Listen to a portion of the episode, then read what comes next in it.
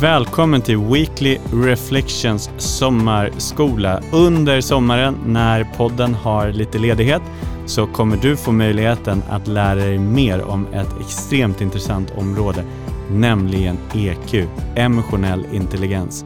Så under avsnitten kommer du lära dig vad det består av, hur du kan utveckla det och varför det är så extremt viktigt. Så trevlig sommarlyssning!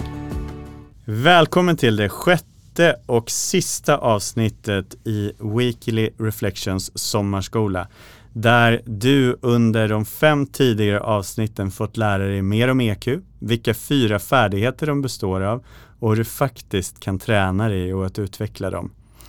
Lyssna på de här avsnitten om och om igen och reflektera, precis som när jag läste boken How to Influence and Influence People. Ja, det här är sunt förnuft, men gör jag det då? Lyssna på ett avsnitt både en, två, tre och kanske fyra gånger och reflektera. Gör jag det och vart skulle jag kunna förbättras? När man pratar om EQ i försäljning så har man sett att det är den nya differentieringsfaktorn för höga prestationer. I det här avsnittet så kommer jag avsluta med de två viktigaste tipsen. Men innan dess ska du komma ihåg att till skillnad från IQ så kan EQ faktiskt läras ut och det kan tränas och det kan förbättras avsevärt med hjälp av övning och tålamod. En studie av över 40 Fortune 500-företag visade att säljare med hög emotionell intelligens presterade, och håll i er nu, 50% bättre än säljare med medelhög eller låg emotionell intelligens. Enligt en försäljningsundersökning som utfördes på ett läkemedelsföretag ökade de säljare som ökade sin emotionella intelligens med genomsnitt 18% senare sin totala försäljningsintäkt medan genomsnittet låg på drygt 12. Och på L'Oreal så hade man säljare som anställdes på grundval av sin emotionella intelligens. Man använde helt enkelt det som Eh, det viktigaste kriteriet i rekrytering. Och där var det så att man såg att de som hade hög emotionell intelligens överträffade sina kollegor med över 910 000 kronor i slutet av första året. Jag hoppas att du nu har förstått hur viktigt det är med EQ. Låt mig avsluta med de två viktigaste tipsen. Den första. Älska det du säljer.